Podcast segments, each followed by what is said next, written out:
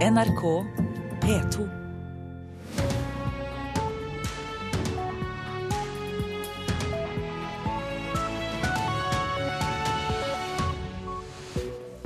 Det er blitt eh, tirsdag 3.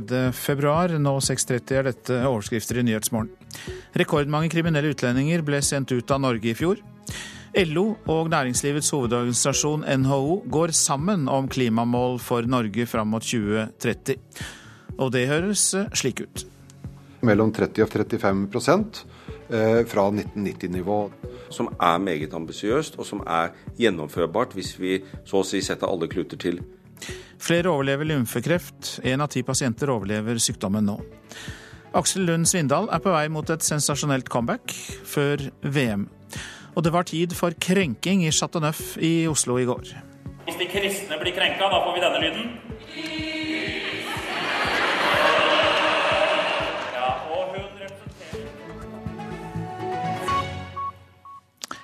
Her i studio, Øystein Heggen. Aldri før har så mange kriminelle utlendinger blitt sendt ut av Norge som i fjor.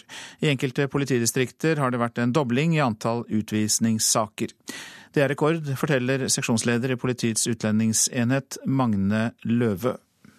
Ja, så 2014 så klarte Politiets utlendingsenhet med god hjelp fra samtlige politidistrikter i Norge til å uttransportere hele Ja, vi kom nesten opp i 3700 saker. Og det er en kategori hvor det er veldig mange straffedømte. Hvorfor er det så bra eh, å klare å uttransportere såpass mange kriminelle utlendinger? Altså Det er kriminalitetsbekjempende. Mange av dem her har gjort uh, mange kriminelle forhold i Norge. Og det at vi klarer å få utvist dem, dvs. Si at de får et innreiseforbud til Norge, at de kommer seg ikke tilbake til Norge. Og det er veldig positivt. Og da ser vi at også, uh, mange typer uh, f.eks. vinningskriminalitet går betydelig ned. Blant de flinkeste i klassen er Søndre Buskerud politidistrikt. I løpet av de siste fem årene har de hatt en dobling i antall utvisningssaker.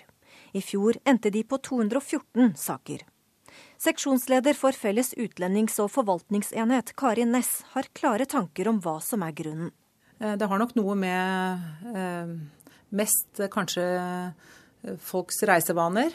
De reiser mye mer enn før, og vi har hatt besøk fra Øst-Europa særlig. Det er spesielt da østeuropeiske bander og EU-borgere som vi har utvist flest fra. Og hva er det man legger til grunn da for å utvise en person? Ja, Det er en person som er straffa for et forhold. Man må ha en rettskraftig avgjørelse før man da reiser en utvisningssak.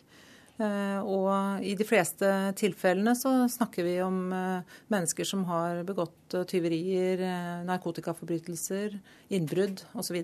Mens 214 ble et år med mange debatter om asylbarna som ble sendt ut av landet, sier Magne Løve at disse ikke kommer inn i kategorien bort- og utvisningssaker. Dermed er antall utsendte asylbarn i 2014 fortsatt ikke kjent. Denne uka skal det være et bort- og utvisningsseminar som skal gjøre politidistriktene enda bedre til å sende ut kriminelle utlendinger. Ja, Vi prøver å ha fokus på hva som skal til for at vi skal kunne få utvise kriminelle borgere. Og nå til tirsdag så skal vi ha samle samtlige politidistrikter på Gardermoen. og så Der har vi en gjennomgang i gang, og UDI kommer. og At samtlige skal få et faglig påfyll på en slik samling, slik at alle står bedre rusta til å kunne at kan ha en bedre faglig kompetanse for å utvise flere. Og til tross for gode resultater i Søndre Buskerud, kan de bli enda flinkere, sier seksjonsleder Karin Næss. De fleste av disse menneskene som vi har utvist i 2014, de har havnet i vår politiarrest etter å ha begått kriminalitet. Vi bør nok kanskje bli flinkere til å reise ut og se om vi kan bistå de andre operative mannskapene i distriktet med å finne folk som f.eks. oppholder seg her ulovlig over mange år, eller jobber ulovlig og begår da type arbeidsmarkedskriminalitet. Det er det vi kommer til å ha fokus på i 2015. Kari Næss i Søndre Buskerud politidistrikt, reporter Benedikte Fjelly. Flere overlever lymfekreft. I 1990 døde sju av ti som fikk sykdommen. I dag dør kun én av ti pasienter. Hvert år får over 1000 personer her i landet lymfekreft. En krefttype som rammer ulike deler av lymfesystemet, som er en viktig del av immunforsvaret vårt. For 25 år siden var kun tre av ti fremdeles i live fem år etter sykdommen ramma. I dag overlever ni av ti, viser tall fra Kreftregisteret. Med den statistikken er Norge i dag et av landene i verden der flest overlever lymfekreft. Årsaken til at eh, flere overlever, er bedre bruk av strålebehandling og nye medisiner, forteller lymfeforsker Harald Holte ved Radiumhospitalet til Aftenposten. Og Det sa reporter Marit Gjelland. I Cubas hovedstad Havanna startet i går en ny runde i fredsforhandlingene mellom Colombias regjering og FARC-geriljaen. FARC kjemper for å få overgrepene de eh, sto for, definert som politiske forbrytelser. Det sier geriljaens forhandlingsleder til NRK. Over 200 000 drepte og flere millioner internt fordrevne. Den over 50 år lange krigen har skapt dype sår, som fredsforhandlingene i Cubas hovedstad Havanna skal bidra til å lege. I fjor møtte forhandlerne fem delegasjoner med ofre som fortalte om sine lidelser. Beskjeden derfra var klar. Det viktigste er å få en slutt på krigen. Straff er mindre viktig. Men Colombia er tilsluttet den internasjonale straffedomstolen og kan ikke gi amnesti når det, som i denne krigen, trolig er begått krigsforbrytelser på begge sider. Vi ville ikke forhandle oss inn i fengsel, sier FARCs sjefsforhandler Ivan Markis. Han foreslår en annen løsning basert på en rapport om de historiske årsakene til konflikten, som er ventet i neste uke.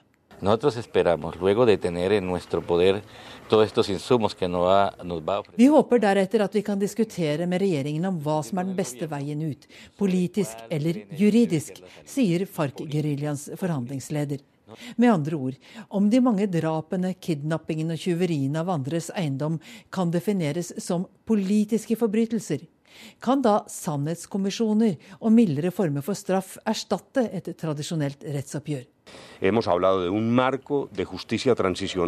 Vi snakker nå om overgangsjustis, om muligheter for alternativ straff, bekrefter regjeringens sjefsforhandler Humberto de la Calle til NRK.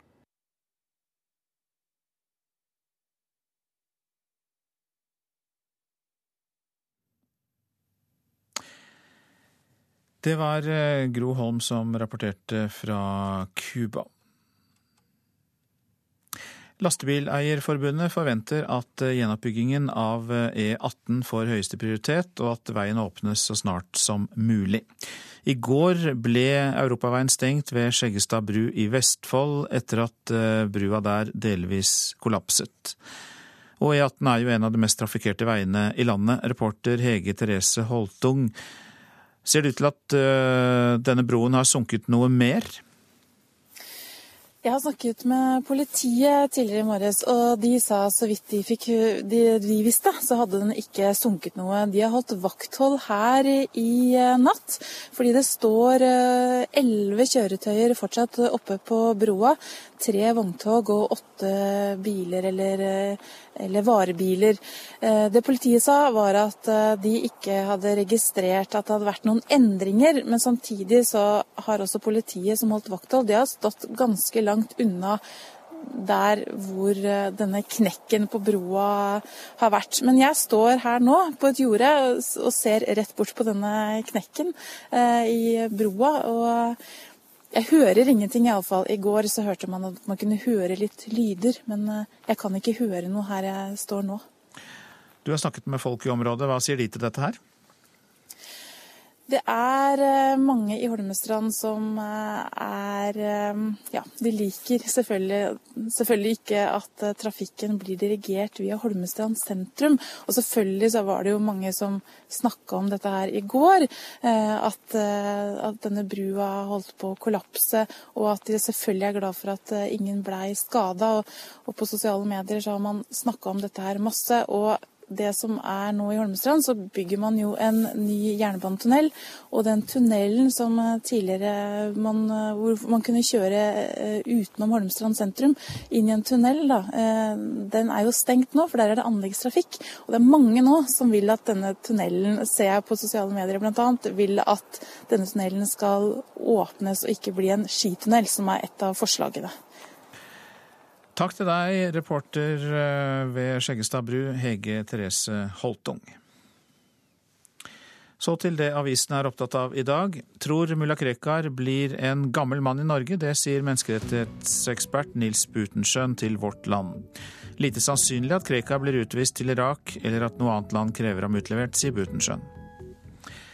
Oljebunnen kan eh, være passert, er oppslaget i Dagens Næringsliv. Det er stor sjanse for at 13.1 blir stående som det laveste punktet for oljeprisen i denne omgang, sier analytikere.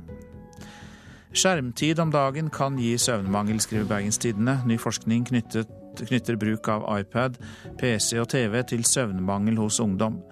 To timers skjermbruk dobler sannsynligheten for å sove mindre enn fem timer om natten.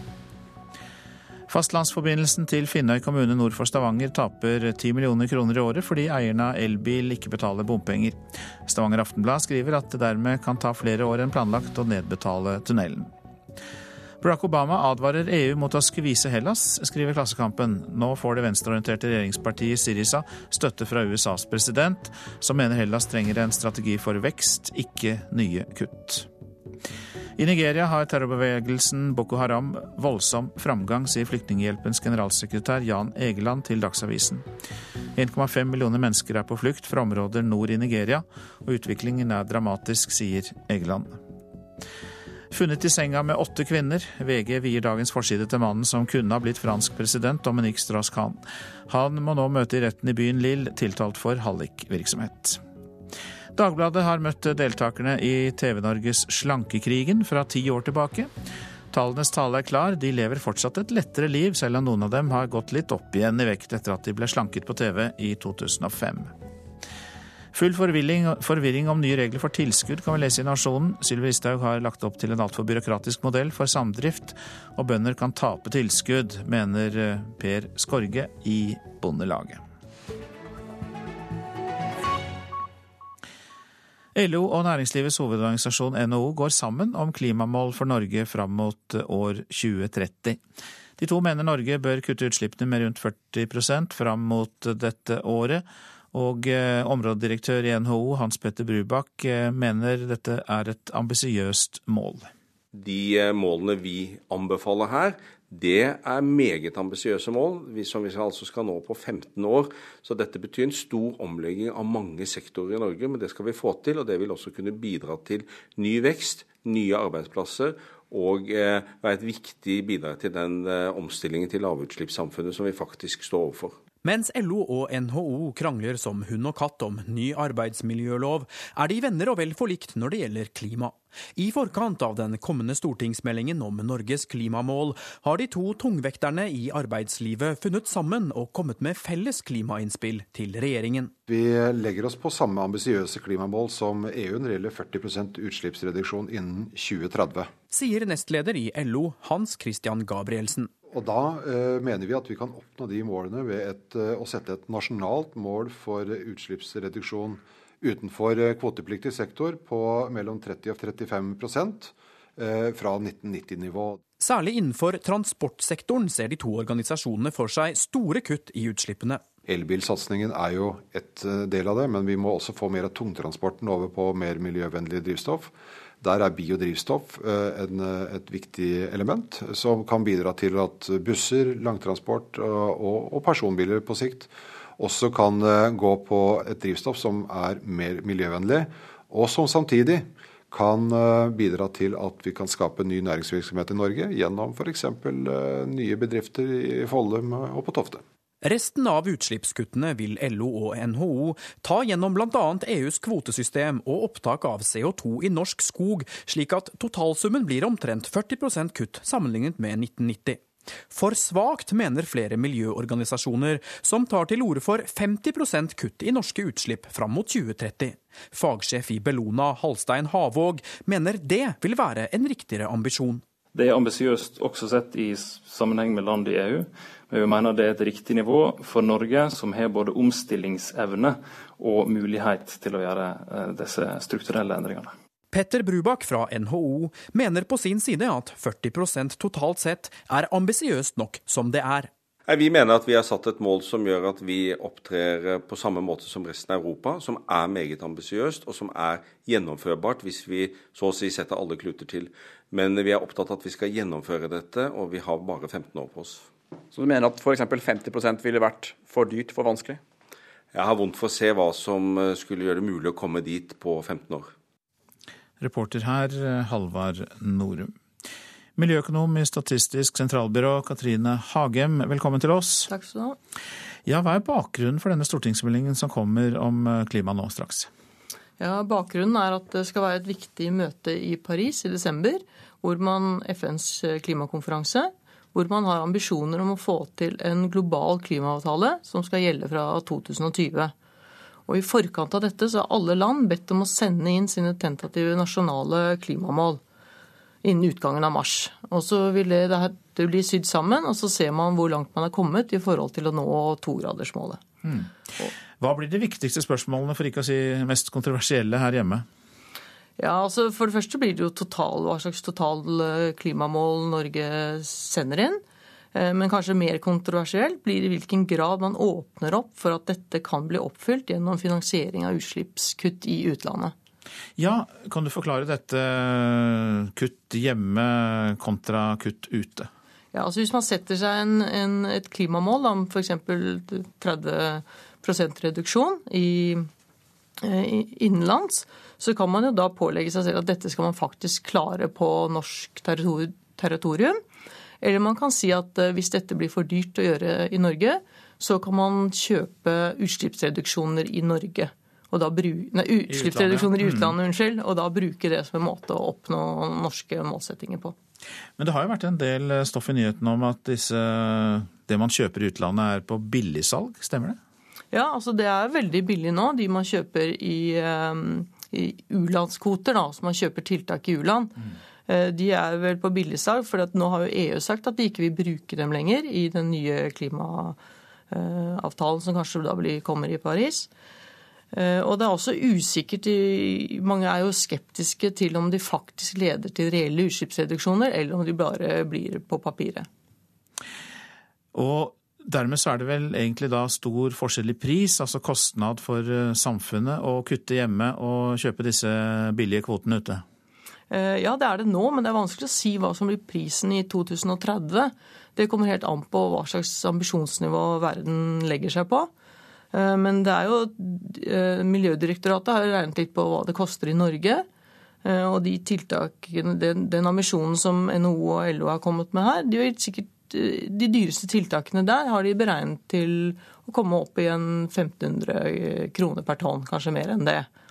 Og, og prognoser for EUs uh, kvotepris uh, i 2030 er sånn rundt 300. Det varierer en del, da. Men kanskje en fem ganger så dyrt for de dyreste tiltakene i Norge. Hvorfor kan det tenkes at Norge likevel vil benytte seg av det å kjøpe kvoter i utlandet, når EU faktisk uh, dropper å gjøre det? Ja, nå, det, det, det, Forslaget fra NHO, NHO og LO her, de sier jo faktisk at man skal kjøpe kvoter i EU. EUs kvoter er det du skal bruke. Mm. Og de er på, der er du i mye større grad sikret da at de faktisk leder til reelle utslippsreduksjoner. Eh, motargumentet for å kjøpe kvoter i det hele tatt er at noen mener at man skal rydde opp i egen bakgård. At man skal, skal bidra selv. Eh, det skal hjelpe til en omstilling til grønn økonomi. Eh, teknologiutvikling. Men det er også motargumenter mot dette. Der kommer vel debatten, regner jeg med? Der tror jeg debatten kommer. Takk skal du ha, miljøøkonom i Statistisk sentralbyrå, Katrine Hagem. Ja, dette er Nyhetsmorgen, og klokka den er snart 6.49. Vi har disse hovedsakene. Rekordmange kriminelle utlendinger ble sendt ut av Norge i fjor. Viktig kriminalforebygging, mener politiet. Som vi nå hørte, LO og Næringslivets hovedorganisasjon NHO går sammen om klimamål, mener Norge bør kutte utslipp med rundt 40% fram mot år 2030. 90% av alle pasienter med lymfekreft her i landet overlever sykdommen. Norge er dermed i verdenstoppen når det gjelder overlevelse ved lymfekreft, skriver Aftenposten. Aksel Lund Svindal er på vei mot et sensasjonelt comeback like før VM i USA. Han har bestemt seg for å starte den offisielle treningsomgangen i utfor under alpin-VM i Beaver Creek i Colorado i dag. Framfor et stort norsk og internasjonalt pressekorps i Beaver Creek kom den positive beskjeden alle hadde venta på. Aksel Lund Svindal skal kjøre dagens utfortrening i VM-løypa som en siste test for å sjekke om han kan delta i mesterskapen. Konklusjonen er egentlig at jeg bare har lyst til å være med, eh, hvis jeg har muligheten. Og, og, da tenker jeg ikke hvis jeg har muligheten til å vinne, men hvis jeg kan stå på start og hvis jeg kan stå på start og sjøl tenke at jeg har en mulighet til å gjøre det jævlig bra, selv om sannsynligheten er liten, men jeg bare veit at det finnes en sjanse, så tenker jeg det er verdt å kjøre det. Det er et steg i riktig retning mot et sensasjonelt comeback for 32-åringen. I oktober i fjor røk han akillesen, og for bare en måned siden hadde han aldri trodd at han skulle være så nær VM som han er nå. Jeg er litt overraska at jeg står her, men jeg tror nok det er andre folk som er mer overraska. Som bl.a. han som opererte meg. Jeg fikk ganske kjapp beskjed om at vinteren sannsynligvis, ikke bare VM blir vanskelig, men hele vinteren. Og så begynte hele den VM-diskusjonen. Følte jeg med at det var noen stilte spørsmålet er det helt umulig å komme til VM. Og jeg liksom tenkte helt umulig. Ingenting er helt umulig. Og så tenkte jeg liksom det blir selvfølgelig sjukt vanskelig, men jeg skal i hvert fall ikke legge den død. Altså, jeg prøver jo, jeg, så får vi se hvordan det går. Og tenker jeg for hver dag som har gått òg, at jeg har den gulrota. At hvis jeg er ekstra flink hver dag, så har jeg en viss mulighet for å få være med. Det gjør at du står på litt ekstra. da. Jeg er villig til å satse mye, men jeg satser ikke så mye hvis det kommer noen til meg og sier at uh, hvis jeg hovner opp f.eks. Volsen etter å ha kjørt en gang, da, så er det noe gærent. Da er det verre. Så uh, når folk sier at det ikke går, så er det litt kult å prøve. Så um, jeg er villig til å satse litt. Ja, det sa Aksel Lund Svindal, og reporter i Beaver Creek i Colorado var Hans Henrik Løken. Eliten av norske humorister var samlet under navnet Krenk 2015 i Oslo i går.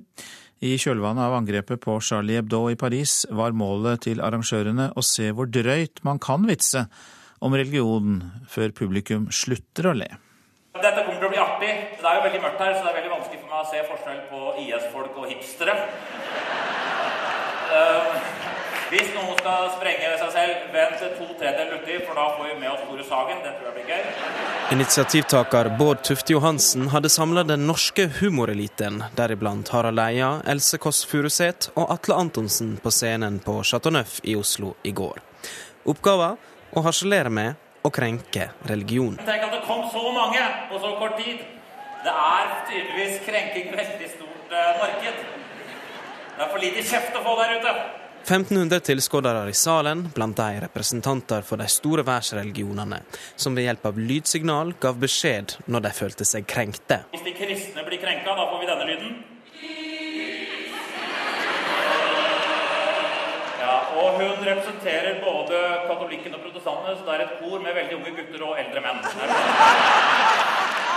Uh, bra. Mosaisk trossamfunn. Mora di.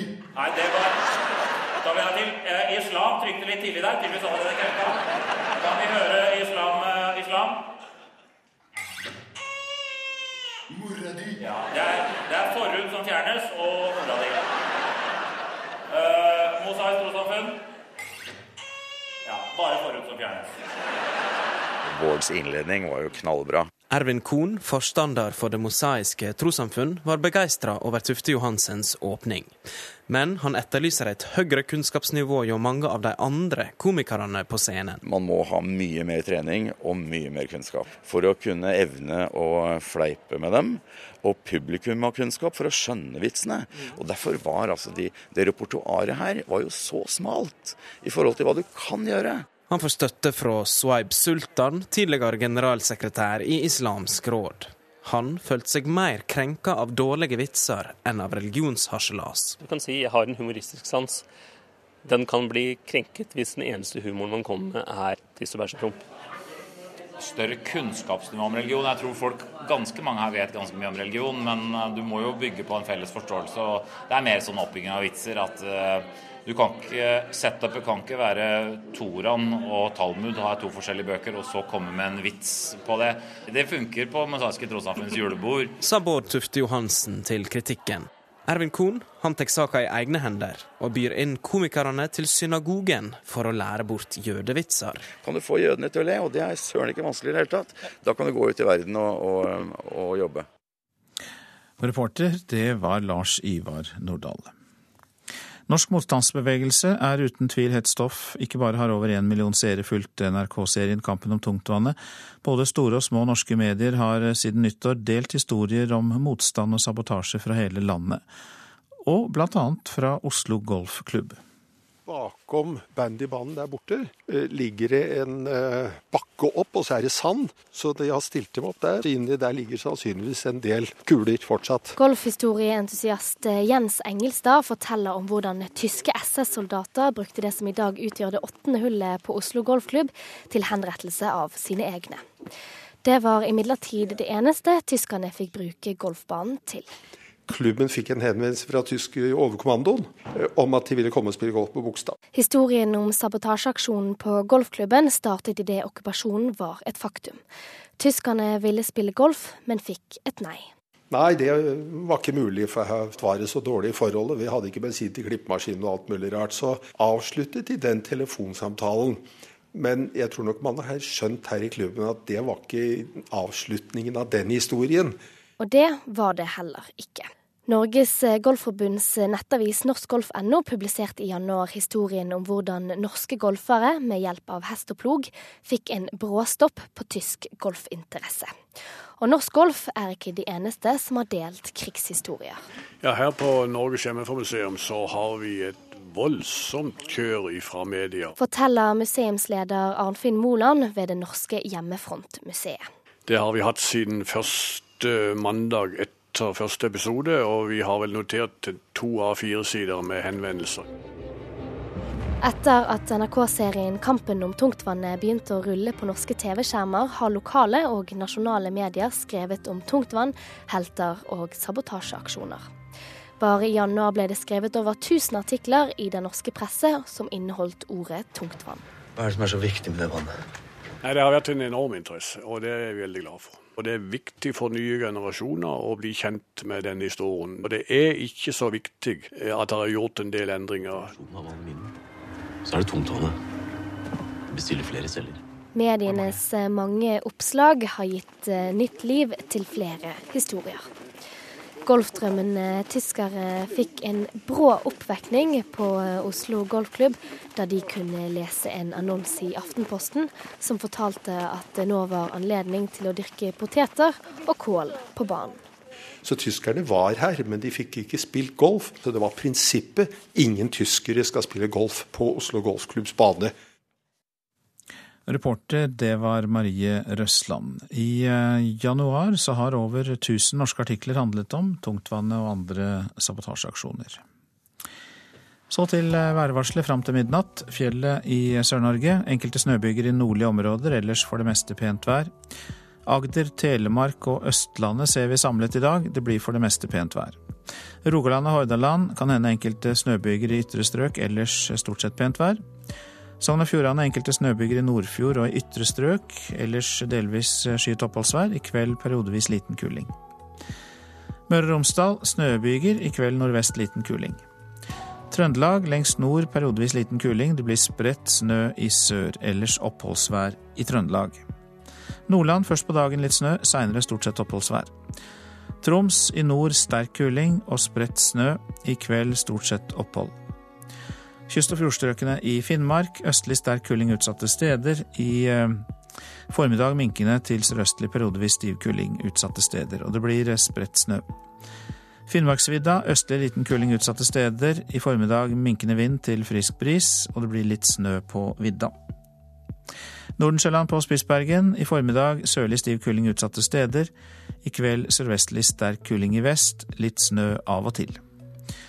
Så tar vi med oss temperaturene som ble målt klokka fire i natt. Svalbard lufthavn minus 13, Kirkenes minus 11, Varde minus 5, Alta minus 10, Tromsø-Langnes minus 7. Bodø og Brønnøysund begge minus 6. Trondheim-Værnes minus 5, Molde 0 grader. Bergen-Flesland minus 2, Stavanger minus 4. Kristiansand-Kjevik minus 7. Gardermoen og Lillehammer begge minus seks grader.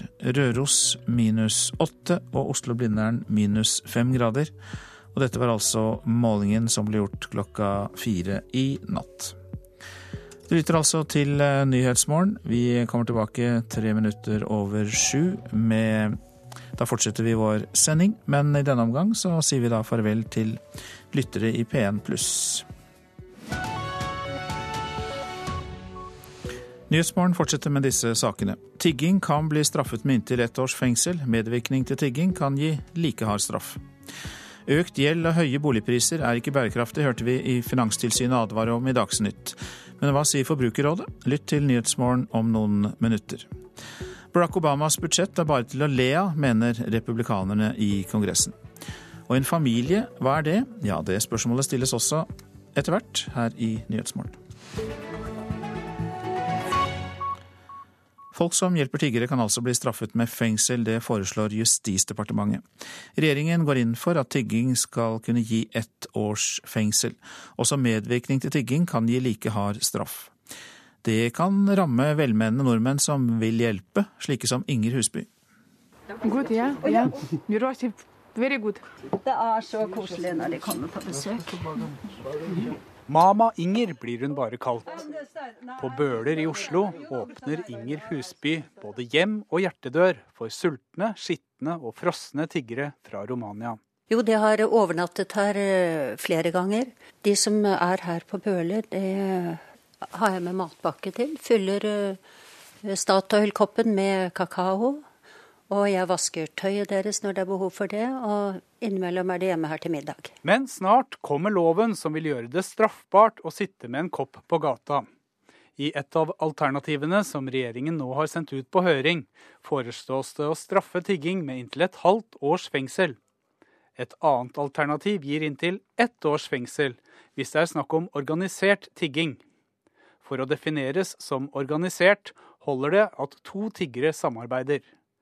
Men også medvirkning til tigging vil bli straffet like hardt.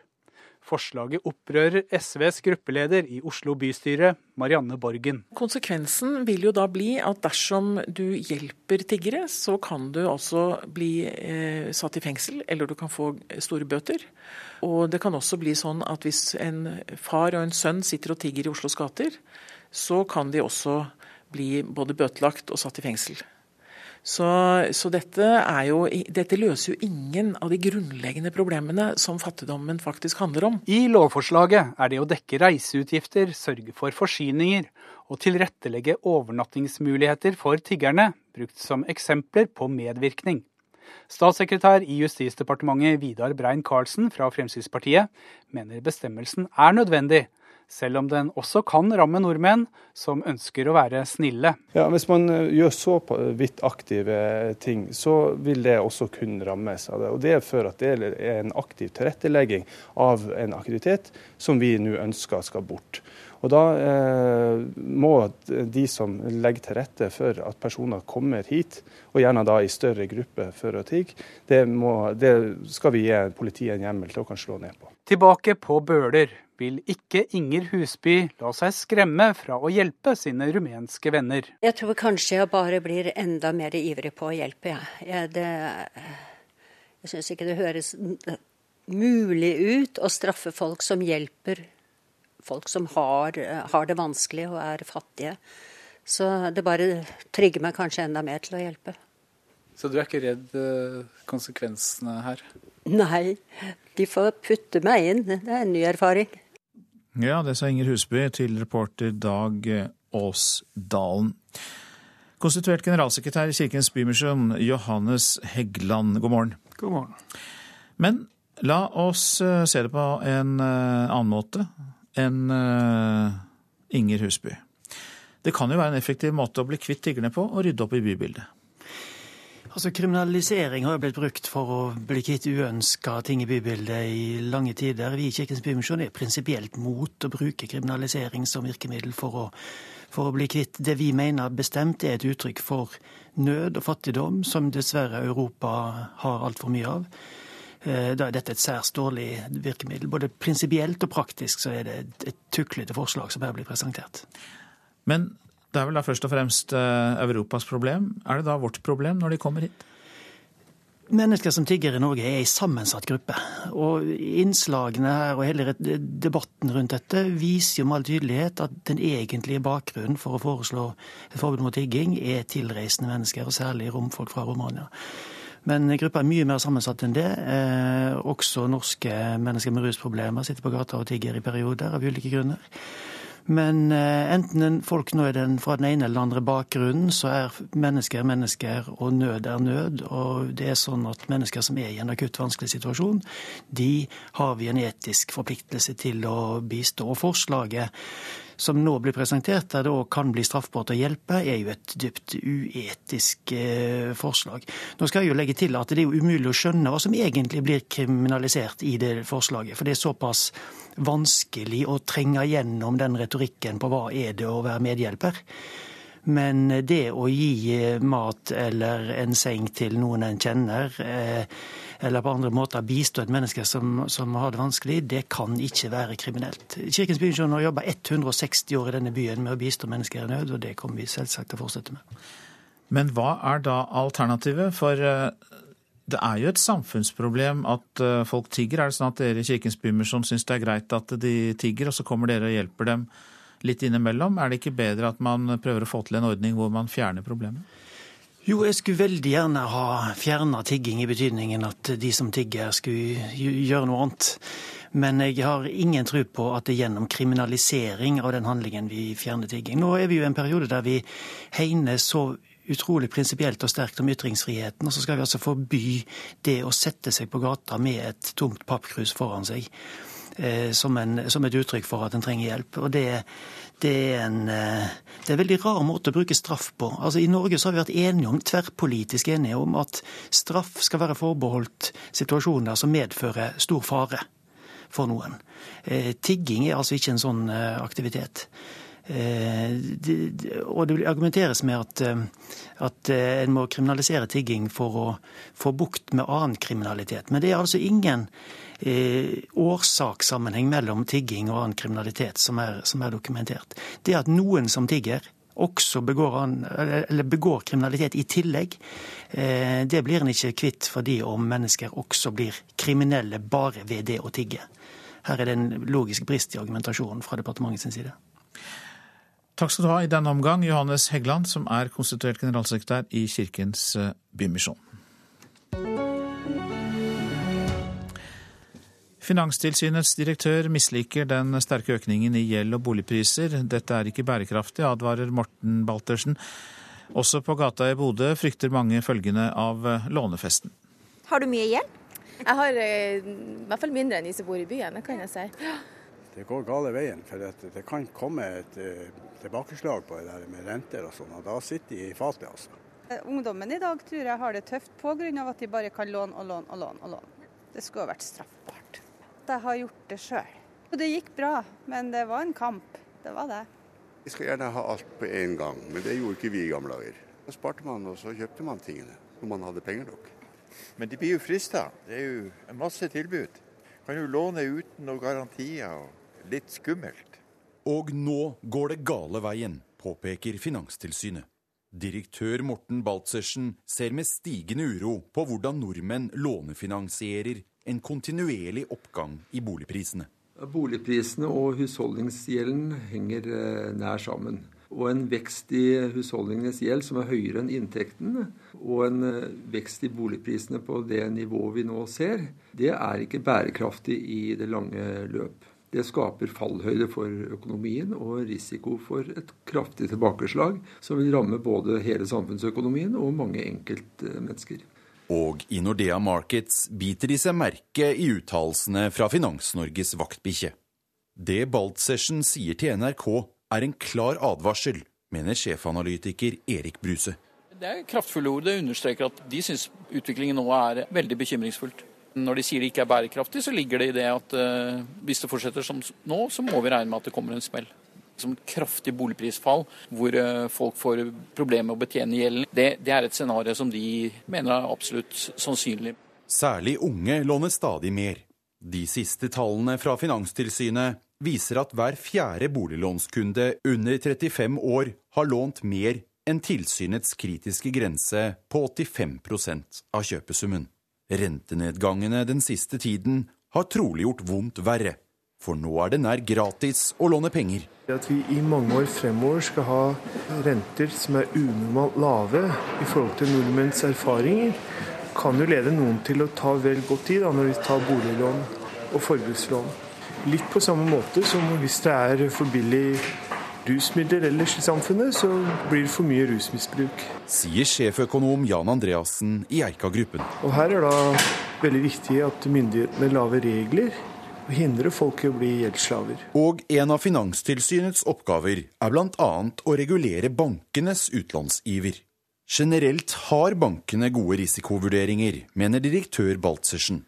Men Bankene ser ikke nødvendigvis den systemrisiko som kan bygge seg opp når husholdningene låner mye og boligprisene øker mye. Det som gir mest grunn til uro, er at det kan bygge seg opp en systemrisiko som ikke nødvendigvis den enkelte bank og den enkelte låntaker ser, men eh, som vi må se på eh, som myndighet. Tiltak som avdragsplikt, andre ting, vil det bli vurdert fremover? Finanstilsynet følger jo utviklingen, eh, og vi vil si ifra dersom vi skulle vurdere andre tiltak. Reportere Sindre Høyerdal og Munever Gildis. Fagdirektør eh, for finans i Forbrukerrådet, Jorge Jensen, god morgen. God morgen. Ja, eh, lån som rusmisbruk hørte vi her. Er du enig i at det kan arte seg slik?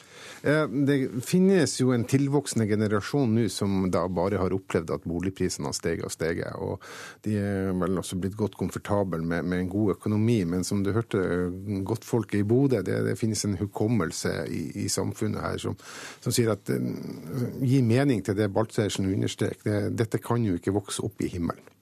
Men er det bankene som er for ivrige til å låne ut penger? Ja, den er nok ikke bankene alene. Her snakker vi om en kombinasjon av også eh, forbrukere altså, som ønsker å ta opp uh, mer lån. Men ja, bankene er en profesjonell part. Uh, de har et særskilt ansvar for å holde amatøren, da, altså forbrukeren, under veiledning på hvor mye lån de skal ta. I dag så tjener jo bankene veldig gode penger på å låne ut penger til boliglån og, gjør store penger. Så, så også bankene her kan bli frista til å gi gass. Eh, det ser vi, men eh, de har da altså et profesjonelt ansvar, og så tror jeg de skal ta et ansvar for samfunnet òg. Og så er det da Finanstilsynet som er ute og advarer her. Eh, hvilke tiltak kan de bruke for å skru til her og dra igjen krana litt? Ja, skal det høre med at Finanstilsynet også har, har fått et politisk press for det, deres krav om å innføre 15% egenkapital er jo ikke spesielt populært i regjeringspartiene og støttepartiene. Så her, det kan skje det at Finanstilsynet går inn for en økning til 20 Eh, det tror jeg ligger litt langt unna. Det som er mer sannsynlig, det er at man prøver å tette igjen disse smutthullene som gjør at såpass mange som hver fjerde unge får, får et lån over den magiske 85% at de tetter disse tre måtene det går an å omgå den på. Ja, Hvilke måter er det? Ja, Det ene det er jo da å hente garanti i andre boliger, eller få kausjonister. Og det vil jo i praksis for mange bety at du må, foreldre må, må involveres i barns økonomi. Og så har du den siste måten, som, som, handler om å ta en eh, særskilt sikkerhetsordning. Altså det, de fraråda lån, men likevel innvilga lån til, til kundene. Også dette at man kanskje innfører en eh, avdragsplikt, at man ikke kan ha avdragsfrie lån? Ja, og det jo I Sverige så, så innførte jo bankene det sjøl, og de gjorde det jo når de så at markedet for boliglån ble litt trangere, at det var liksom fare for, for eh, dårlig betjeningsevne. Så stoppa de kranene. Det, det, er en måte også å ta dette samfunnsansvaret på. Helt til slutt, Jørgen Jørge Jensen. Er det litt skumle tider låntakerne kanskje går inn i? Eh, ja, og, vi har nok vært der en stund. Fordi Waltersen har hatt dette budskapet eh, så lenge han har vært eh, direktør i, i Finanstilsynet. Og det er veldig mange utafor som har påpekt at det ikke er bærekraftig om gjeldsveksten fortsetter sånn som nå. Men samtidig så vil det jo lønne seg for svært mange å ta opp lån og kjøpe bolig. Og det, det skaper en litt sånn situasjon hvor man er nødt til å treffe noen politisk upopulære vedtak. Mange takk skal du ha, Jørge Jensen, som er fagdirektør for finans i Forbrukerrådet. Klokka har passert 7.17. Dette er hovedsaker. Tigging kan bli straffet med inntil ett års fengsel. Medvirkning til tigging kan gi like hard straff. Husholdningenes økte gjeld kombinert med høyere boligpriser er ikke bærekraftig. Det hørte vi altså Finanstilsynet advare om. Og Barack Obamas budsjett er bare til å le av, mener republikanerne. Mer om det snart. For eh, det var nemlig slik at eh, president Barack Obama la fram forslag til statsbudsjett i går. Han ønsker å øke skattene for de rikeste for å finansiere en rekke tiltak. Men han vil slite med å få budsjettet vedtatt i Kongressen, der republikanerne har eh, flertall, og altså ler av det hele. Han fokuserte på en av opposisjonens hjertesaker da han la fram det tjukke budsjettforslaget sitt i går. Just last week, top military officials told Congress that if Congress does nothing to stop sequestration, there could be serious consequences for our national security.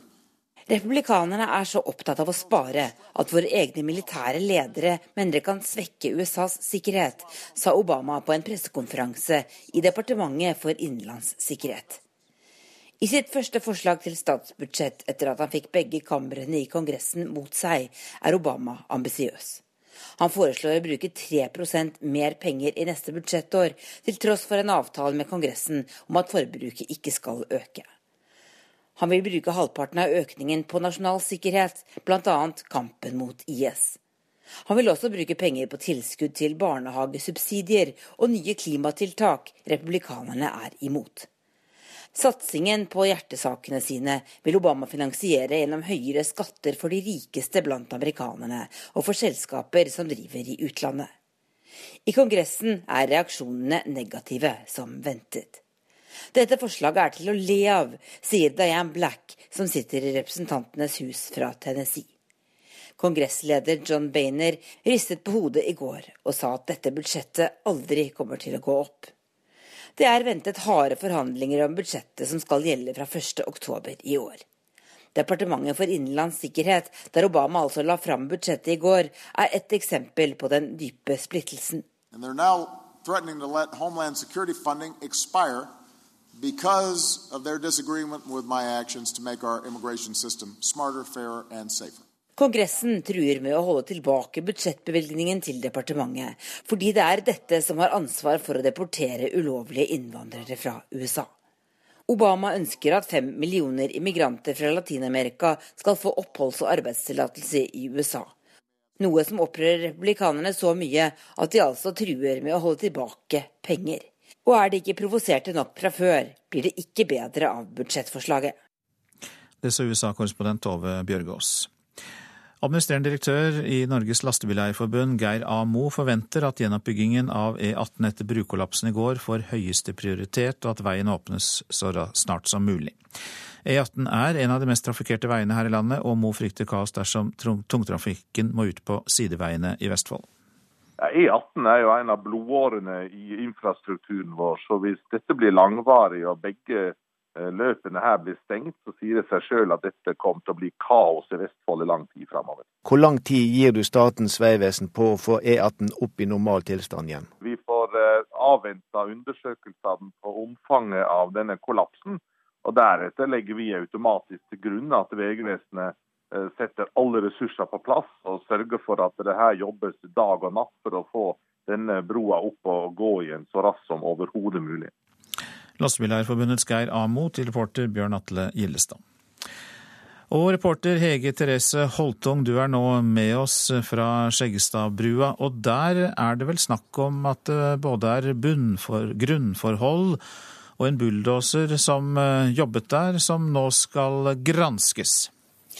Jeg har forstått at det, det, skal man eh, sjekke videre hva slags eh, Ja, hva, hva denne bulldoseren gjorde og hvorfor osv. Men eh, jeg ser ingen bulldoser her jeg står nå. Jeg står her sammen med ordfører Alf Johan Svele. Og vi kan jo gå litt nærmere. Vi står, vi står riktignok bak dette sperrebåndet, men vi kan gå litt nærmere eh, nå. Nå står vi helt rett bak sperrebåndet og ser rett på der hvor det er en knekk i denne broa. Og Alfian Svelle, eh, vi hørte at eh, Lastebileierforbundet de vil at noe skal gjøres eh, raskt, fordi de vil at denne veien skal opp og stå ganske så raskt som mulig. Hva tenker du? Jo, men Jeg er jo helt enig at her må alle kluter settes til, og her må vi få gjort det som må gjøres. Men det er klart at her, her er tiden en, en viktig faktor. For begge omkjøringsveiene, både Bispeveien som i dag brukes, og gjennom Holmestrand, er jo ingen eh, verken varig eller god løsning. Hva, hva tenker du bør gjøres? Det første som slår meg når jeg står her, det, det, er jo det at den broa som i dag er hel, det må i hvert fall klargjøres hvorvidt den er eh, mulig å, å, sette umiddelbart i drift. Og hvis geologene kommer til at den kan settes i drift, da er jo det prekære løst. Da vil det bli en liten eh, stubb her sånn, hvor det vil være eh, trafikk da på de to feltene som går over den broa. Hvis de kommer til at begge broene skal stenges, ja da må vi sette oss ned og være kreative. Og da mener jo jeg at vi har en Holmestrandstunnel som i dag brukes i Jernbaneverket, og med noen strakstiltak og med en klar ordre fra samferdselsministeren, så bør det kunne være mulig å åpne den på relativt kort varsel. Og ordfører Alf Johan Svelle han skal faktisk ha et møte med Vegvesenet i dag. Mange takk skal du ha, reporter Hege Therese Holtung ved bruddstedet på Skjeggestadbrua.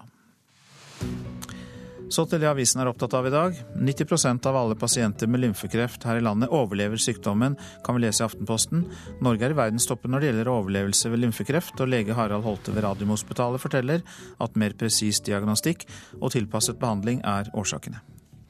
Tror mulla Krekar blir en gammel mann i Norge. Det sier menneskerettighetsekspert Nils Butenschøn til Vårt Land. Lite sannsynlig at Krekar blir utvist til Irak eller noe annet land krever ham utlevert, sier Butenschøn. Oljebunnen kan være passert, er oppslaget i Dagens Næringsliv. Det er stor sjanse for at 13.1 blir stående som det laveste punktet for oljeprisen i denne omgang, sier analytikere. Skjermtid om dagen kan gi søvnmangel, skriver Bergenstidene. Ny forskning knytter bruk av iPad, PC og TV til søvnmangel hos ungdom. To timers skjermbruk dobler sannsynligheten for å sove mindre enn fem timer om natten. Barack Obama advarer EU mot å skvise Hellas, skriver Klassekampen. Nå får det venstreorienterte regjeringspartiet Sirisa støtte fra USAs president, som mener Hellas trenger en strategi for vekst, ikke nye kutt. I Nigeria har terrorbevegelsen Boko Haram voldsom framgang, sier Flyktninghjelpens generalsekretær Jan Egeland til Dagsavisen. 1,5 millioner mennesker er på flukt fra områdene nord i Nigeria, og utviklingen er dramatisk, sier Egeland. Funnet i senga med åtte kvinner. VG vier dagens forside til mannen som kunne ha blitt fransk president, Dominique Strauss-Kahn. Han må nå møte i retten i byen Lille, tiltalt for hallikvirksomhet. Dagbladet har møtt deltakerne i TV-Norges eh, Slankekrigen fra ti år tilbake. Tallenes tale er klar. De lever fortsatt et lettere liv, selv om noen av dem har gått opp litt. En eh, familie, hva er det? Familiebegrepet er i endring. Kjernefamilien med mor, far og barn står sterkt, men eh, det er i dag opp mot 25 ulike familietyper, ifølge Statistisk sentralbyrå. Og denne uka så skal tusenvis av skolebarn lære at en vanlig familie vel så mye kan bestå av far, far og barn. Den vanlige type familien det er jo to eller mor, far og ca. tre to unger. Ja, det er, ja, det er jo normalt, men det er jo veldig mange som ikke har far eller mor rundt omkring som kanskje har vært Sjetteklassinger ved Vardene skole i Stavanger lærer denne uka om mangfoldet av familietyper. Mm, det fins jo dame-dame, mann-og-mann-familie med unger. Du trenger ikke alltid bo i samme hus. Sånn hvis de skilte foreldre, så er det jo to forskjellige hus. og da, da, kan, da må jo barnet være enten hos mor eller far. Det går jo an at de er skilt, men de bor fremdeles i samme hus òg. Ja, det går jo an. Og det er ikke bare skolen i Stavanger som har tema på timeplanen. En tredjedel av alle grunnskoler her i landet har meldt seg på kampanjen Uke sex, i regi av organisasjonen Sex og politikk. Det vi bare vet er at eh, det er mange måter en familie kan være satt sammen på i dag. Det er ikke bare lenger eh, kjernefamilien. Um, og det er noe av det vi har i fokus på, fokus på i vårt materiell, at det er mange måter å være familie på. Det sier kampanjeleder Gry Stordal. Statistisk sentralbyrå har skissert opp 25 ulike familieformer, og nå skal opp mot 50 000 elever her i landet lære at en vanlig familie ikke nødvendigvis består av mor, far og barn. Jeg tror at det ikke er uproblematisk å ta opp dette temaet med unger med far, far og mor, mor, og retten til barn. Fordi en balanserer dette opp mot det som er norsk lov og de etiske dilemmaene. Og det er problematisk inn i klasserommet. Stortingspolitiker Olaug Bollestad fra Kristelig Folkeparti er skeptiske til at skolen formidler at det er helt normalt at par av samme kjønn får egne barn. For da kan fort debattene om sæd- og eggdonasjon og surrogati komme på banen. Da på en måte bruker vi ungene som en arena, og så tar vi ikke disse vanskelige debattene. Og de debattene må vi i alle fall ta først, og ikke bruke ungene som arena for så vanskelige debatter. Kampanjen er finansiert av bl.a. Utdanningsdirektoratet og Barne-, ungdoms- og familiedirektoratet, og baserer seg på mål fra skolens læreplaner. Organisasjonen Sex og politikk mener det er viktig at temaet familie får god plass i klasserommet. Det sitter jo mange barn i et klasserom som ikke alle vokser opp i en kjernefamilie, og det de skal oppleve er jo at temaet familie er like relevant for dem. Men det er ikke et mål for oss at man skal ta stilling til om man syns den ene familieformen er bedre enn den andre. Det er viktig å lære om familie, for sånn som i dag så lærte vi på skolen at det var en sånn dude som hadde plagd en annen fordi han bodde med morfar og sånn. Så det kan jo være at liksom, hvis du lærer om familie, så er det egentlig vanlig å bo med besteforeldre og sånn. Og reporter her, det var Cecilie Berntsen Jåsund. Du lytter til Nyhetsmorgen, produsent Ingvild Ryssdal, her i studio Øystein Heggen. Chile har en av de strengeste abortlovene i verden. Nå kan den bli endret. Hør mer i reportasjen etter Dagsnytt. I Politisk kvarter blir det Grande mot Støre. Venstre-leder Trine Skei Grande mener at Jonas Gahr Støre må ta et oppgjør med Jens Stoltenbergs klimapolitikk. Og så minner vi om nettstedet radio.nrk.no, altså radio.nrk.no, der du kan høre radio direkte alle NRKs kanaler.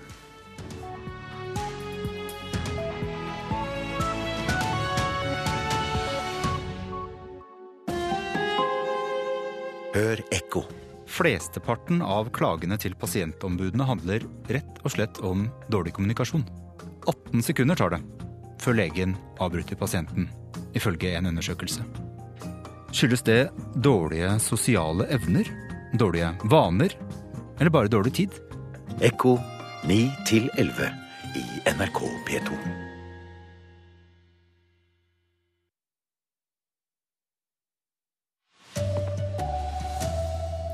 Å hjelpe tiggere kan straffes med fengsel.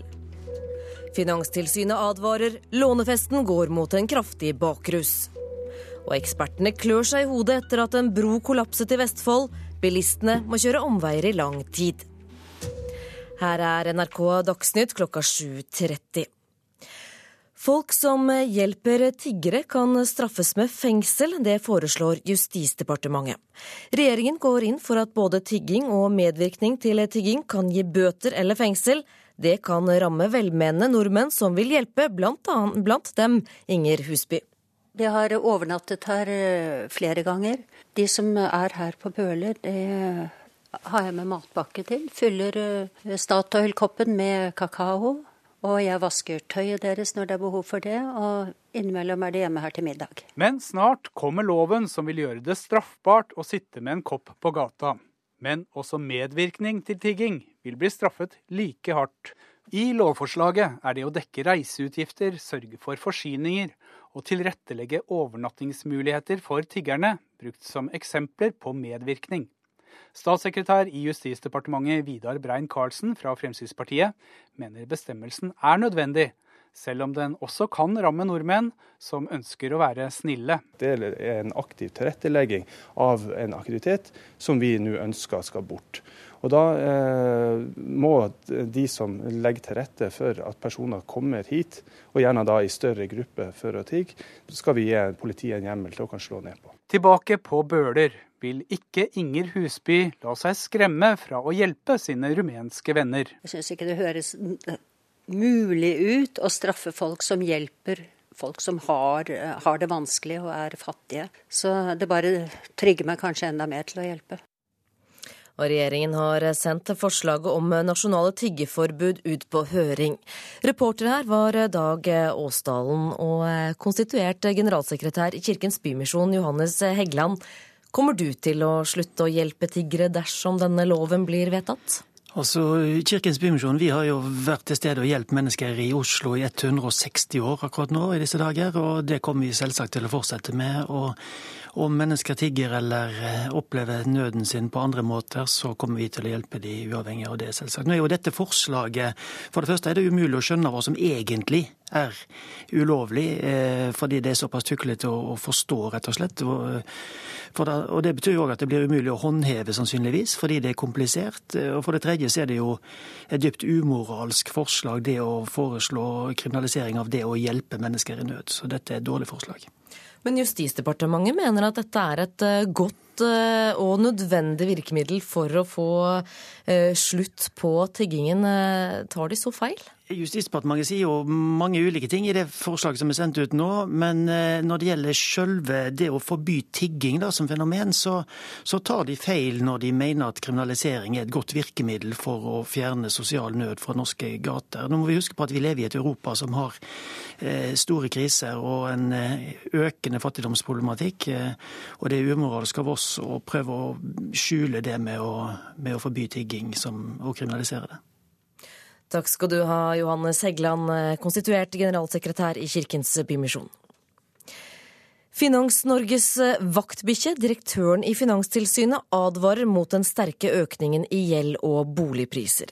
Dette er ikke forsvarlig, advarer Morten Balsersen, og også på gata i Bodø frykter mange følgene av lånefesten. Det går gale veien, for det kan komme et eh, tilbakeslag på noe. Da sitter de i fatet, altså.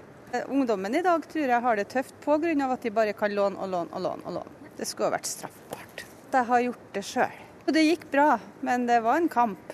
Kan jo låne uten noen garantier, og litt skummelt. Og nå går det gale veien, påpeker Finanstilsynet.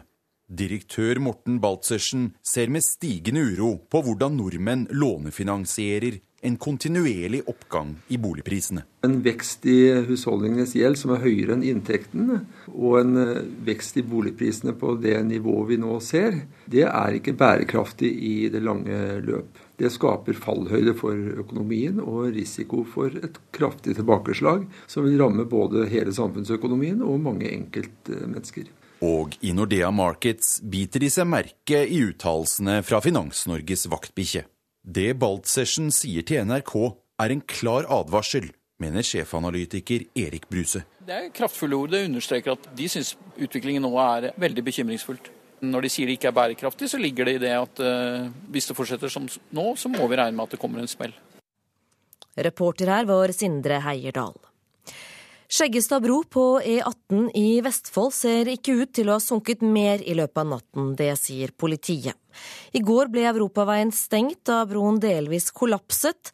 Nå skal eksperter granske grunnforholdene. Også en bulldoser som ble sett under broen skal undersøkes i jakten på årsaken til at broen kollapset. Og bilistene de må regne med å kjøre omveier i lang tid. Reporter Hege Therese Holtung, hvordan ser det ut på stedet nå? Jeg står eh, på et jorde bak politisperringer og ser rett bort på denne broa som har kollapsa. Eh, og der er det masse jordmasser. Eh, og jeg står her også med ordfører Alf Johan Svele, for vi har, vi, har, vi har tenkt litt på hvis denne pilaren sto ti meter lenger sør, hva tenker du da, Alf Johan Svele? Hva hadde skjedd da? Nei, Da tror jeg hele broa hadde brutt sammen. For det er jo helt tydelig at det har vært, som du sier, et jordras her. Og de massene har egentlig da parallellforskjøvet den ene pilaren, og den da står eh, ikke lenger vinkelrett under broa. Men hadde den stått lenger til venstre, der er det jo ikke noe masse lenger.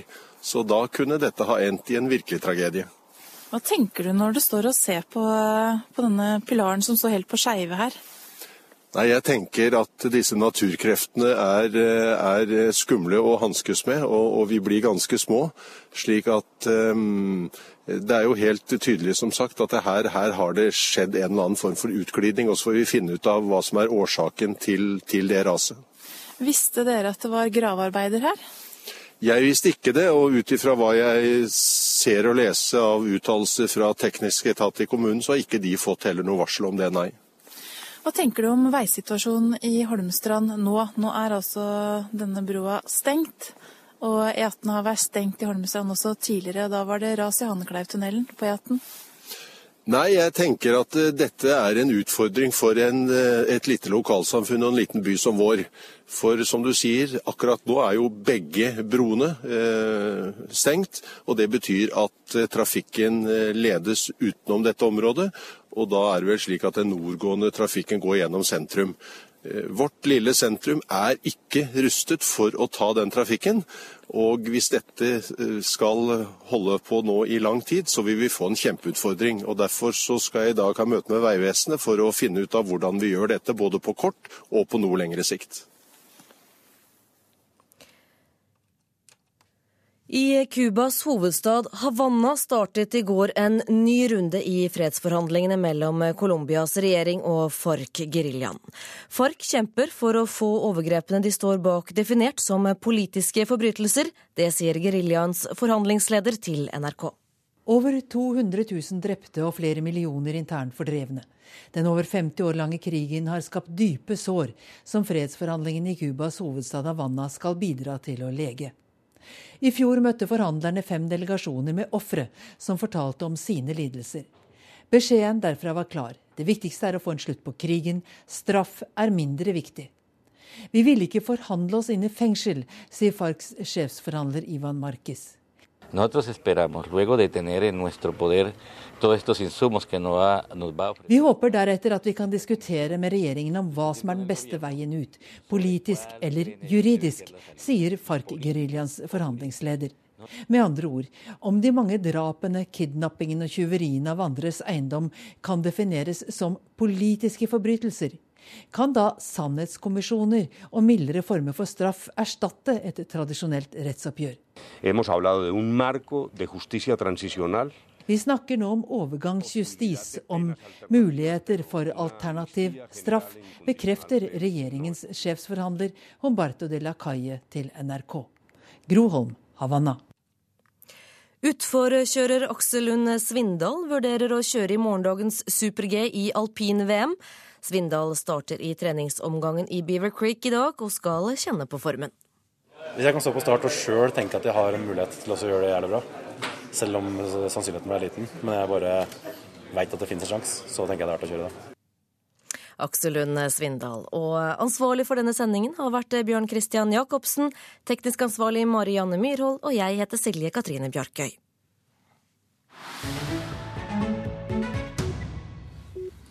Nyhetsmorgen lytter du til. I Chile vil regjeringen nå legge fram en ny lov som skal gjøre slutt på det strenge forbudet mot abort. Chile har en av de strengeste abortlover i verden, og selv unge jenter som er blitt gravide etter voldtekt, tvinges til å føde barnet. Arnt Stefansen har laget denne reportasjen. No,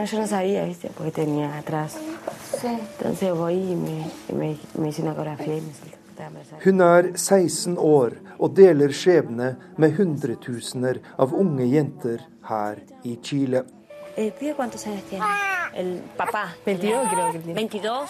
Hun heter Katja og er mor til en fem måneder gammel jente. Jeg var sammen med en gutt på 22, men da jeg ble gravid, ville han ikke se meg mer. Jeg ville ikke ha barnet, men her i Chile er abort en forbrytelse, så nå er jeg mor og prøver å unngå å tenke for mye på fremtiden, sier Katja. Hennes historie er sørgelig velkjent, men slett ikke blant de mest hjerteskjærende, sier Kena Lorenzini i menneskerettsorganisasjonen Corporación Humanas. Estos últimos tiempos han salido a la luz dos casos de niñas de 11 años. En el gobierno de Sebastián Piñera Den siste tiden har vi hatt tilfeller der jenter på bare 11 år er blitt gravide og tvunget til å føde sitt barn.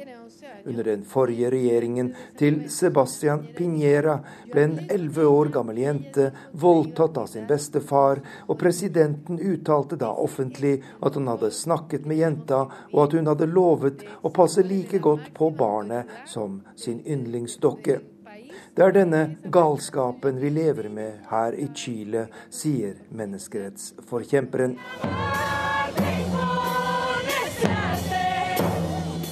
Chile har en av verdens strengeste abortlover, der ikke engang voldtekt mot mindreårige og fare for morens liv gir unntak fra abortforbudet. De siste årene har stadig flere chilenere gått ut i gatene og krevd slike unntak, og den nye regjeringen til Michelle Bachelet har satt denne saken høyt på sin dagsorden. En av de nærmeste dagene blir det lagt frem et forslag til en lovendring i parlamentet her i Santiago.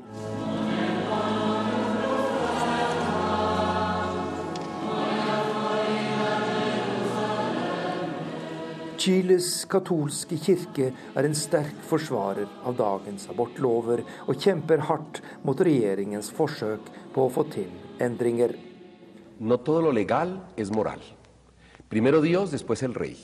Ikke alt som er lovlig, er moralsk riktig. Først kommer Gud, og så kommer kongen, sier kirketalsmann Juan Vicente Cordobas.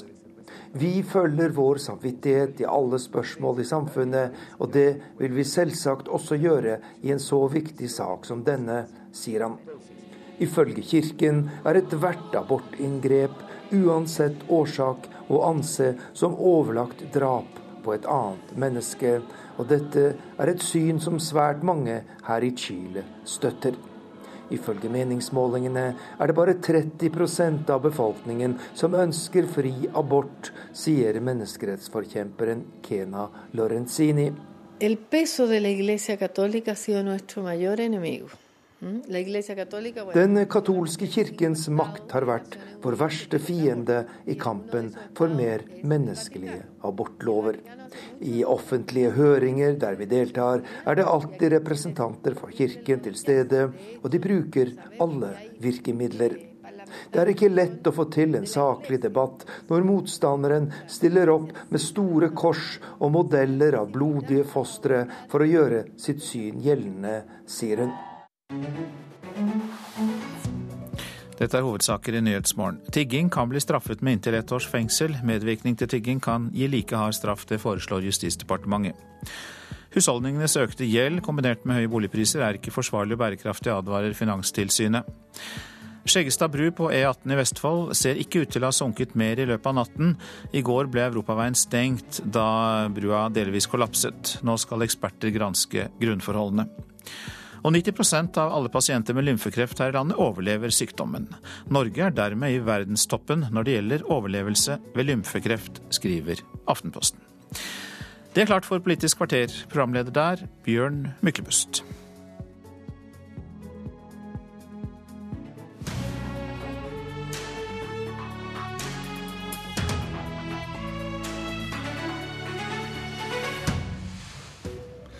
Venstre vil at Jonas Gahr Støre tar et oppgjør med Jens Stoltenberg sin klimapolitikk.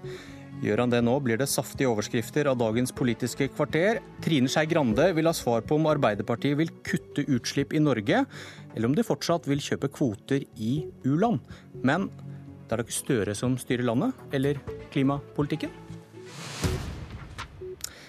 Denne uken kommer kanskje de som styrer landet, regjeringen med sitt svar på hvor mye og hvordan Norge bør kutte klimagassutslipp fram mot 2030. Men Trine Skei Grande, leder i Venstre, du er like spent på hva Arbeiderpartiet lander på.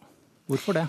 Ja, fordi Nå er det en debatt i Stortinget, og alle de andre stortingspartiene har sagt hvilke mål de har. At vi minst må gå på EU-mål, som er et kutt på 40 eh, Og jeg, jeg tror jo at eh, det å presse regjeringa til å også mene det samme som oss, som vi holder på med hver eneste dag, eh, det hadde jo vært mye lettere hvis man hadde hatt Arbeiderpartiet med på laget. Og det som, det som forundrer meg, det er at eh, nå har vi fått en ny leder i Arbeiderpartiet. og Han snakker veldig pent og riktig om klima, om det som overordna spørsmål og noe som gjennomsyrer all politikk og alle løsningene vi skal ha framover. Eller tung Men, retorikk, som dere kalte det i helgen. Ja, tung eller tom. Fordi at uh, utfordringa er jo at vi må gjøre dette med tiltak. Og det som uh, Arbeiderpartiet tidligere har lena seg på, er jo en stor tro på FN-kvoter. Altså kvotesystemet vårt i u-land, som er et system som har blitt høyt kritisert av alt fra norsk riksrevisjon til alle andre som går inn i det. Det er bra at vi hjelper u-land med å lage grønnere industri der, men det er ikke sånn at det kvotesystemet egentlig fører til noe kutt. Det er ikke noe, noe lukka marked som sikrer at det blir kutt, når du sørger for at det ikke blir bygd ett kullkraftverk, så kan det bare poppe opp et nytt et annet sted. Men hva er det Støre ikke har svart på? Han har ikke svart på hva er målsettingene. Er det sånn som LO sine målsettinger i dag, f.eks., der de egentlig sier 30 30-35% i forhold til EU? Og er man villig til å ta et oppgjør med bruken av FN-kvoter som et så viktig grep for å komme videre i klimapolitikken? Leder i Arbeiderpartiet Jonas Gahr Støre, kommer det en saftig overskrift ut av dagens Politiske kvarter? Jeg er litt forundret over at uh, Venstre-lederen bruker tid på meg i forkant av en melding som, hvor jeg har sagt at vi bør få til et bredt forlik i Stortinget. Men det er greit, og jeg snakker gjerne om Stoltenberg-regjeringens politikk. Jeg mener at det ikke er behov for å ta oppgjør rundt den. Den var etter min mening framsynt og moderne. Vi hadde hatt 20% høyere utslipp i Norge om vi ikke hadde vært for klimapolitikk. Eh, vi skal gjennomføre tiltak hjemme. Eh, jeg har snakket veldig tydelig om det siden jeg ble Arbeiderpartileder. Eh, vi er i gang med et arbeid på veldig mange felter for å se på de områdene hjemme hvor vi trenger å fornye teknologi, arbeidsmåter, endre forbruk og produksjon. Men så er ikke jeg villig til å kaste på båten det vi gjør internasjonalt. For jeg tror at hvis vi gir opp målet om å få til det vi kaller bruke pengene der de har størst effekt, så får vi ikke til effektive svar mot klimaendringene som er så alvorlige at vi må finne løsninger vi ikke har funnet før. Funnet før. Det er riktig at disse kvotene er utsatt for en del kritikk, og det er berettiget. Men de har altså ifølge FN kuttet 1 milliard tonn CO2, denne mekanismen. Og det er overført over 200 milliarder dollar til utviklingslands teknologiutvikling. Og jeg tror at etter Paris så kommer en videreutvikling av et system hvor du kan bruke penger der hvor du får størst effekt. Det må på plass. Vi har det i Europa, i EU, hvor Norge er en del av et kvotesystem. Vi bør også ha det internasjonalt. Og så kan jeg berolige eh, Trine med å si at eh, Arbeiderpartiet kommer til å ligge på et høyt ambisjonsnivå. Du vil ikke si dette berømte tallet? Nei, men altså, ikke sant? Vi, vi snakker jo da om å være en del av det europeiske svaret. Europa har jo satt 40% som sin dugnad. Halvparten av vår økonomi er omfattet av EUs kvotesystem. Vi er jo med på den, på den ferden. Og det, det, vi må ha ambisjoner om å utvikle som norsk politikk, er jo det vi gjør hjemme innen transportsektoren. Der har begge våre partier vært med å presse frem en ordning, og det var jeg ute og sjekket på privatmarkedet selv i går, om å kjøpe ladbare hybridbiler som er i ferd med å få ned utslippene fra transportsektoren.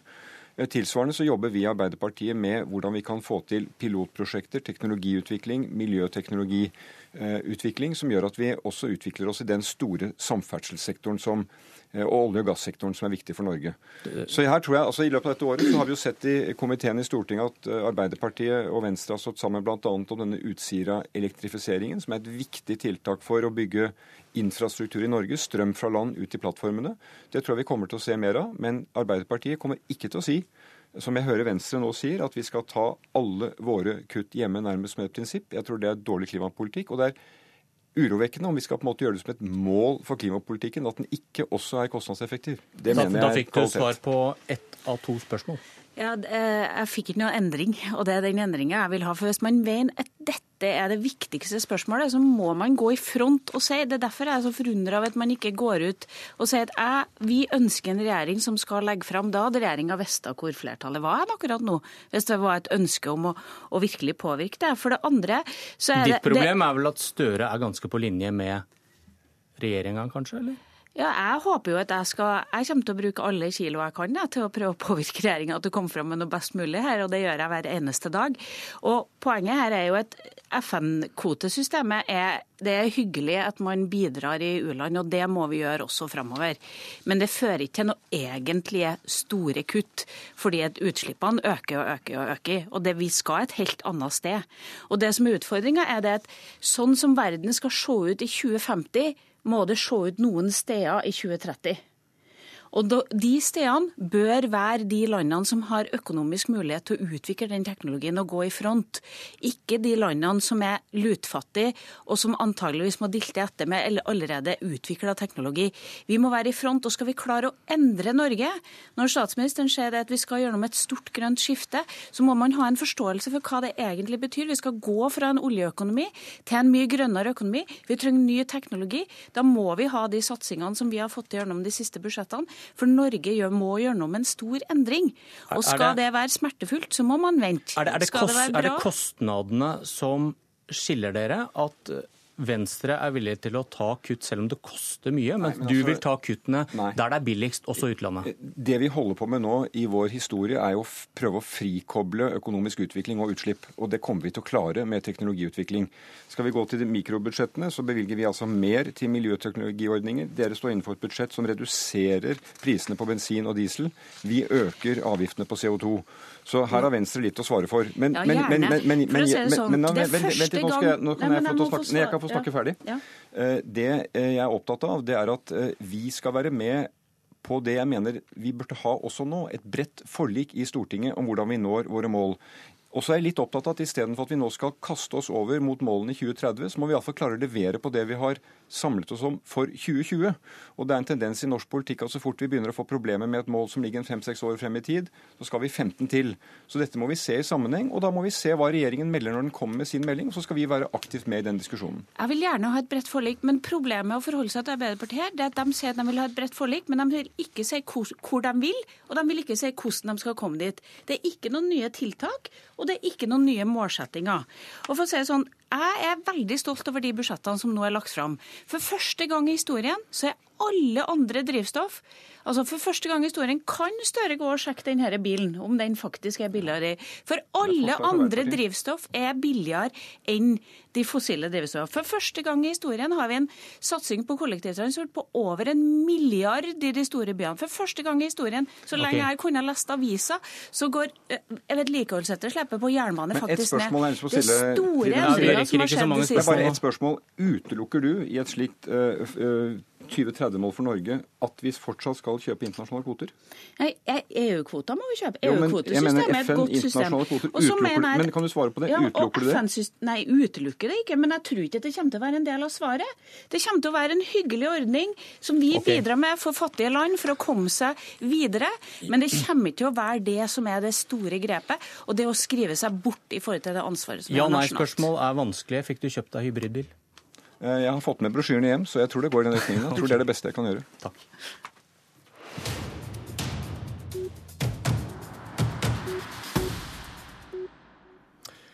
Da kommer det inn en som styrer landet, og en som veldig gjerne skulle gjort det. For da kunne du fått viljen din, Anne Tingelstad Wøien fra Senterpartiet. Stortinget behandler i dag ditt forslag om å gjøre de nasjonale prøvene i skolen om til utvalgsprøver. Og forklar hvorfor dette er en god idé. Jo, altså vi er opptatt av elevenes læring. eh, Og vi har sett i senere år at vi har eh, en rekke tester og prøver osv. Og, og eh, vi tenker at sånn som de nasjonale prøvene fungerer i dag, så, mm, så skal jo de bare egentlig sammenligne en skole med en annen. Eh, Og gi signaler tilbake til myndighetene om hvordan det fungerer, fungerer og egentlig ikke har noe så, heller ikke så mye med elevenes læring å gjøre, da. Så Hvorfor derfor så ikke? tenker vi, nei, for eh, de, de skal jo rangere i forhold til en, et nivå som er lavt eller middels eller over middels, og det er sånn du scorer på de nasjonale prøvene. Så vi tenker som så at vi kan spare tid for lærere og ressurser for eh, myndighetene hvis vi gjør noe om til utvalgsprøver, sånn at f.eks. halve kommunen eller halvparten av kommunene i Oppland eller eh, Buskerud da tar utvalgsprøvene ett år, og så de tar neste år eh, den andre halvdelen. Samme prøve, men færre. Ja, samme prøve, men eh, færre. Kunnskapsminister Torbjørn Røe Isaksen, du styrer landet. Forklar hvorfor dette er en dårlig idé. Jeg syns det er en fryktelig dårlig idé, til og med. Og jeg må si at eh, det forslaget som ligger i dag fra Senterpartiet og SV, det vil være å svikte de elevene som trenger skolen aller, aller mest. Eh, Og en av de viktigste grunnene er fordi at nasjonale prøver er ikke bare nasjonal informasjon eller fylkeskommunal informasjon. Det gir oss, med den endringen som har kommet bl.a. i år, så gir det en mulighet til å gå inn og se på den enkelte elev, til å gjøre undervisningen bedre. Det er viktig for skolen å vite det. Og med endringen i år så kan man også følge skolens resultater over tid. Og hvorfor er det viktig? Jo, for at hvis vi skal klare å fange opp de mange elevene som eh, ikke lærer seg helt grunnleggende regneferdigheter, lese- og skriveferdigheter i løpet av skoleløpet, så er vi nødt til å vite hvor skoen trykker. Da må vi ha åpenhet, og så må vi også ha, ha nasjonale prøver, sånn at vi kan følge de skolene som ikke gjør jobben sin over tid. Men det er jo sånn at eh, de som trenger det aller, aller mest, det trodde jeg kanskje var eh, Da var det kanskje lurere å bruke kartleggingsprøver, som er et verktøy som du kan ha i dag. Og jeg vet at det er lærere på mellomtrinnet som savner kartleggingsverktøy. Jeg skulle ønske at utdanningsministeren hadde skaffa kartleggingsverktøy, sånn at vi fikk med de som trenger det aller, aller mest. For sånn som det er i dag, så er det jo faktisk mange av de som er de svakeste, blir tatt ut av de nasjonale prøvene. Og de er ikke en del av, grunn, av vurderingsgrunnlaget engang. Eh, og, det, og, Statsråden sier også at nå skal vi kunne følge dette over tid. Ja, det er gjort endringer i de nasjonale prøvene, men det står altså på Utdanningsdirektoratets hjemmesider at utvalgsprøvene kan ikke ses i sammenheng fra år til år. Kan ikke sammenlignes fra år til år. Men det kan de, det kan de nå. Ja, Det er bare det... fordi det er en halvdel at noen nei, nei. av de ankespørsmålene ja, ja, ja. ligger fra ett år til et annet. Det er, men da nasjonale... handler det jo ikke om elevenes læring da. Det handler jo om at utdanningsmyndighetene kan kunne se at dette her er en endring men, over tid. Men det i praksis Senterpartiet og SV foreslår i dag, det er at eh, en skole som man, eh, som man, med dagens system vil kunne se om gjør det bedre eller dårligere fra år til år, så vil det bli helt tilfeldig hvorvidt man får informasjon om det eller ikke. Og Jeg er helt enig med Senterpartiet og SV, som også ikke er her, da, men som også foreslår det, at eh, vi burde frigjøre tid for lærerne. Men det å ta vekk og svekke et av de viktigste verktøyene vi har Det er ikke et av de viktigste verktøyene vi har. De viktigste verktøyene er jo kartleggingsprøvene. Men, men, som som, eh, hvis, hvis den har vært lærer sjøl, så forstår den jo det at en kartleggingsverktøy, da kan du bruke en prøve på hele klassen. Eh, og da vil du også få med de som da er dårligst presterende også. Eh, eh, norske rektorer, hvis man spør dem, skoleledere. 65% av de sier at dette er et viktig verktøy for å, for å, for å kunne styre og ha oversikt over læringen på en skole. Blant, kan ikke jeg bare få snakke ferdig? Eh, blant skoleeiere, altså kommunene, så er det enda flere, oppi 80% som sier at dette er et viktig verktøy.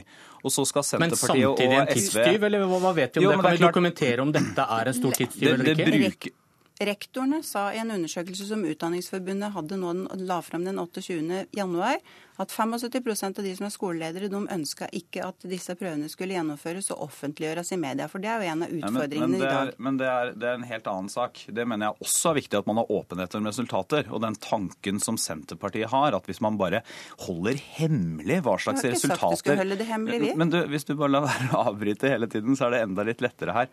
Eh, og det tanken om at man skal holde hemmelig prøvene over tid, altså at de skal være tilgjengelige for politikere som sitter i den lokale utdanningskomiteen, men utvalget, men ikke for foreldre og presse og media folk rundt. Det mener jeg er en fryktelig dårlig idé. Men hvis dette er til beste for elevene, hvorfor skal du da ha det offentlige media? Eh, fordi at, fordi at, vi skal ha åpenhet om skolens resultater. Og jeg tror tankegangen til Senterpartiet eh, og SV i dag, at man både skal unngå å finne ut hvilke skoler som lærer elevene det de skal, det er en dårlig tanke. Og at man skal frata kommunene Jo, det er praksis. Tiden er ute. Det var nesten så jeg måtte ta fram Anna Grosvold-stemmen, men eh, jeg slapp så vidt. Politisk kvarter er over. Jeg heter Bjørn Myklebust. Hør flere podkaster på nrk.no podkast.